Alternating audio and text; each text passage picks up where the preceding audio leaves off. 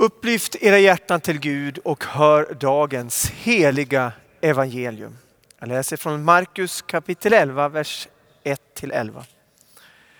När det närmade sig Jerusalem och var vid Betfage och Betania vid Olivberget skickade Jesus iväg två av sina lärjungar och sa till dem Gå bort till byn där framme. När ni kommer in i den hittar ni genast en ungåsna som står bunden där en som ännu ingen har suttit på. Ta den och led hit den. Om någon frågar er vad ni ska göra så svara Herren behöver den och han skall strax skicka tillbaka den. Det gav sig iväg och såg en ungåsna stå bunden ute på gatan vid en port och de tog den. Några av dem som stod där frågade Vad gör ni? Tar ni åsnan?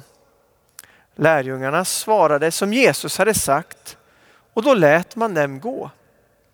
Det ledde åsnan till Jesus och lade sina mantlar på den och han satte sig upp på den.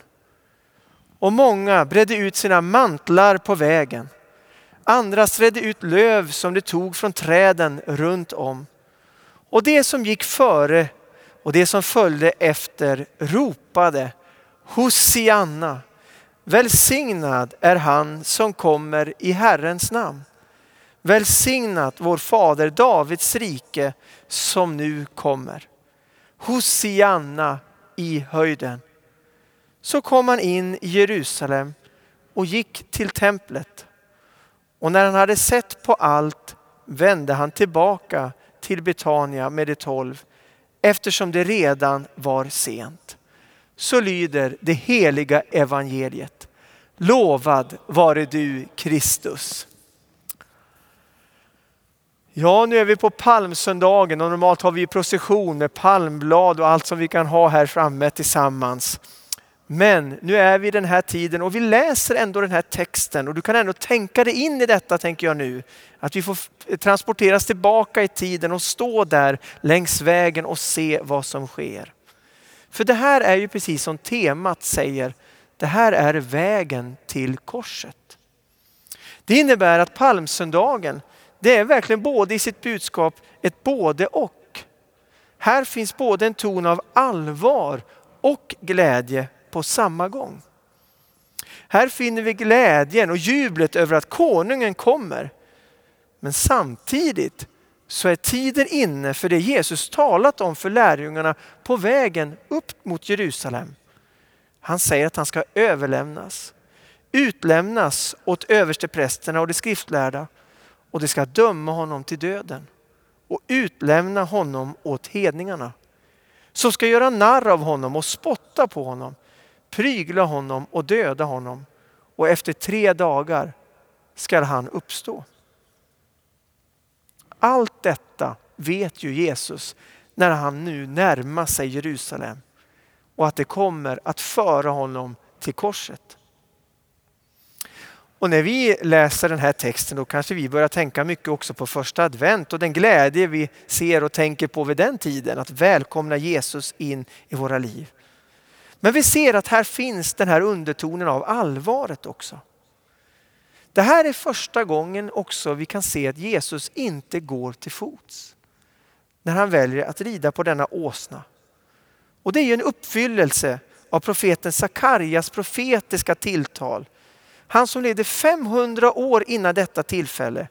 Som arbetade vid tempelbygget. Och han såg framför sig en vision av att Gud skulle välsigna det framtida Jerusalem och på nytt även låta hedna folk komma till tro och börja söka Herren. Sakarja 9.9 står det, ropa ut din glädje dotter Sion, jubla dotter Jerusalem, se din konung kommer till dig. Rättfärdig är han, seger är honom given. I ringhet kommer han, ridande på en åsna, på en ung åsnehingst. Ja, när Jesus rider in så är det inte en kung som kommer för att tvinga människor till underkastelse med makt och våld. Nej, han kommer i ringhet, ridande på åsnan. Och han har redan talat om varför han har kommit. I bara kapitlet innan Markus 10.45 kan du läsa vad Jesus säger om sig själv. Människosonen har inte kommit för att bli tjänad utan för att tjäna och ge sitt liv till lösen för många. Nu är Jesus framme vid början till slutet på hans uppdrag. Han som har predikat om Guds rike, botat och upprättat människor och visat mänskligheten vem Gud är. Nu är han på väg in i staden Jerusalem för att fira påsken. Och hela folket var där samlade för att minnas hur Gud hade räddat dem och fört dem ut ur Egypten. Och under den här helgen som ligger framför honom kommer tusentals att lamm slaktas för att ätas vid påskamåltiden.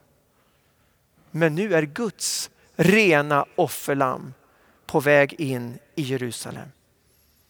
För han har kommit för att rädda oss. Och när Jesus rider in i Jerusalem då börjar ju människorna bre ut mantlar och lägga löv och kvistar längs vägen.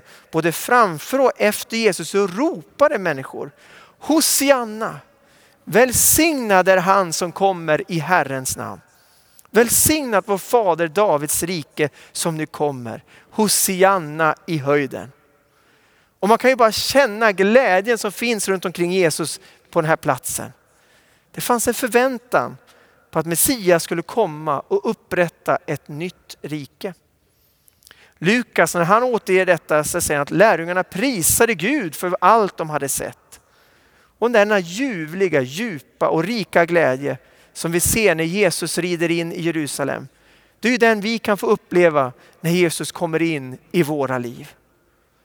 Och folket ropar Hosianna. Troligtvis visste inte alla varför de ropade denna bön och detta hyllningsord. Kanske var stämningen väldigt meddragande såklart av glädje. Men det är en profetisk hälsning till konungen som kommer. Ordet Hosianna är ju både en bön och ett rop av en hyllning.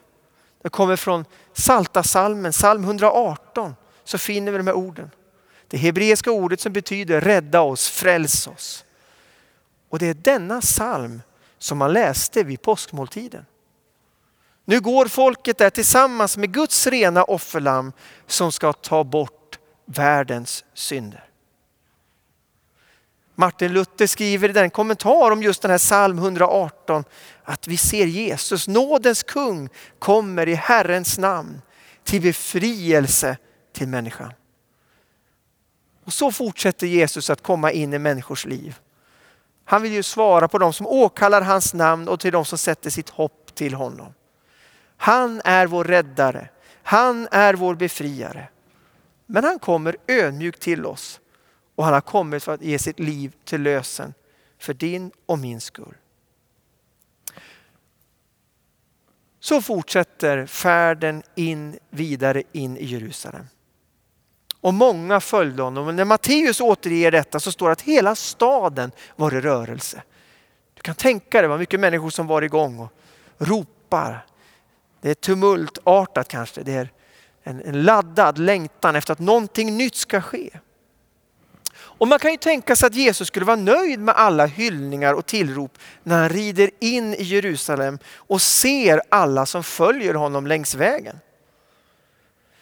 Men i texten ser vi att han har ett annat mål.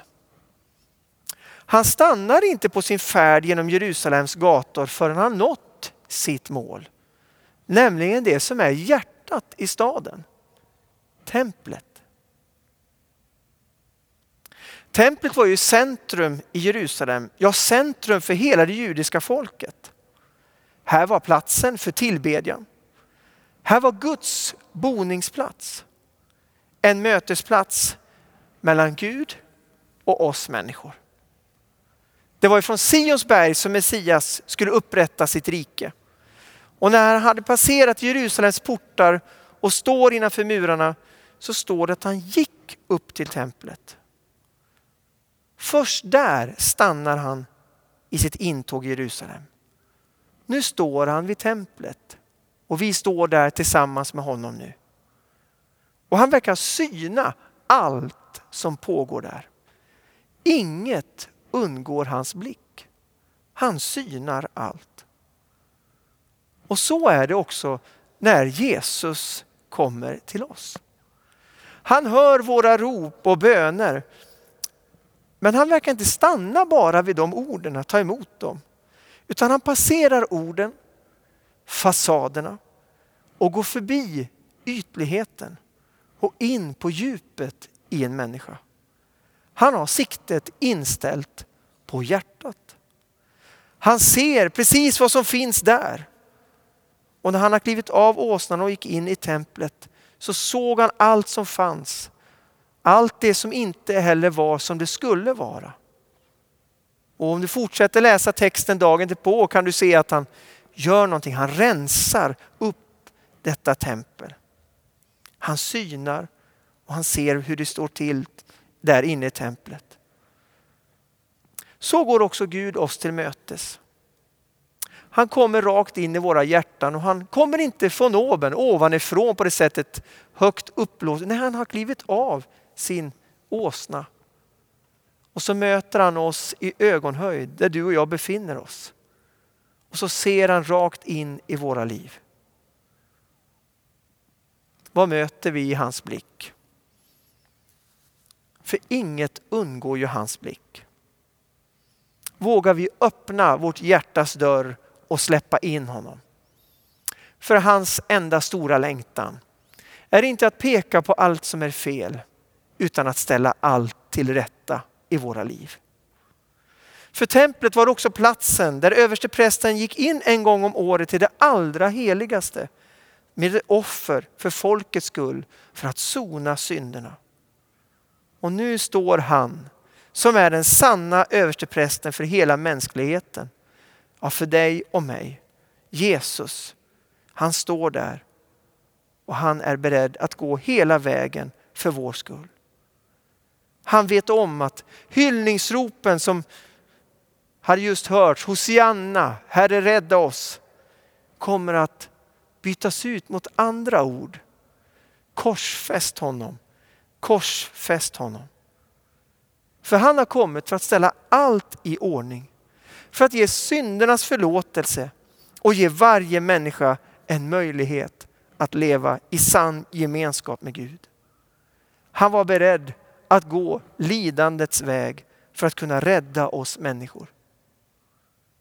I den episteltext som vi inte har läst i gudstjänsten men som du kan läsa själv, Hebreerbrevet kapitel 2, vers 14 till 18, så står det om Herren vad han gör. Då nu barnen är av kött och blod måste han på samma sätt bli människa för att han genom sin död skulle göra dödens herre, djävulen, maktlös och befria alla dem som genom sin fruktan för döden varit slavar hela sitt liv. Det är ju inte änglar han tar sig an. Nej, Abrahams ättlingar tar han sig an. Och därför måste han i allt bli lik sina bröder för att bli en barmhärtig och trogen överstepräst inför Gud och kunna sona folkets synder. Och eftersom han själv har prövats och lidits kan han hjälpa dem som prövas. Du och jag som brottas med livets svårigheter, frestelser, synd och skuld. Vi får öppna vårt hjärta för Jesus. Han räds inte den bråte som vi kan bära med oss i våra liv. Han har inte kommit för att döma dig utan för att ställa allt till ordning. För att rena och hela det trasiga. Precis som han ville rensa upp i templet. Och han vet vad du går igenom. Därför är talet om korset ett hoppets budskap. För genom Jesu död sonar han vår synd. Han vet vad det är att lida och han hjälper den som prövas. Och därför har palmsöndagen både en allvarston och en hoppets och glädjens ton i sitt budskap. För även om prövningar väntar i våra liv så är det inte slutet. Bortom korset, bortom döden väntar en uppståndelses morgon. Därför kan vi följa med Jesus in i stilla veckan och följa med honom fram till korsets fot. Och sätta vår tro till hans ord idag. Att när vi ropar Hosianna, när vi ber den enkla bönen Jesus rädda mig, så gör han det. Ja, han har redan gjort allt för oss. Han har dött för oss alla. Därför kan du mitt i prövningarna och i stunder av tacksamhet samtidigt ropa Hosianna. Herre rädda oss. Både i tacksamhet och som ett rop om hjälp. Och det har kristna gjort ända sedan dess och i alla tider och kommer att fortsätta till den dag han kommer återigen. Vi kommer att förkunna hans död och bekänna hans uppståndelse tills den dag han kommer åter i härlighet. Och idag i vår gudstjänst så vill han komma till dig och mig genom sitt heliga befriande evangelium. Han har siktat in sig på våra hjärtan. Låt oss öppna dem för honom. Han är den som räddar oss. Han är den som befriar oss och han möter oss här just nu. Och han lyssnar till ditt rop. Vi får ropa tillsammans. Hosianna, Herre rädda oss. Välsignad vare han som kommer i Herrens namn. Och jag ber Herre, kom in i våra liv idag Herre. Du som är mäktig att hela, frälsa och befria. Amen.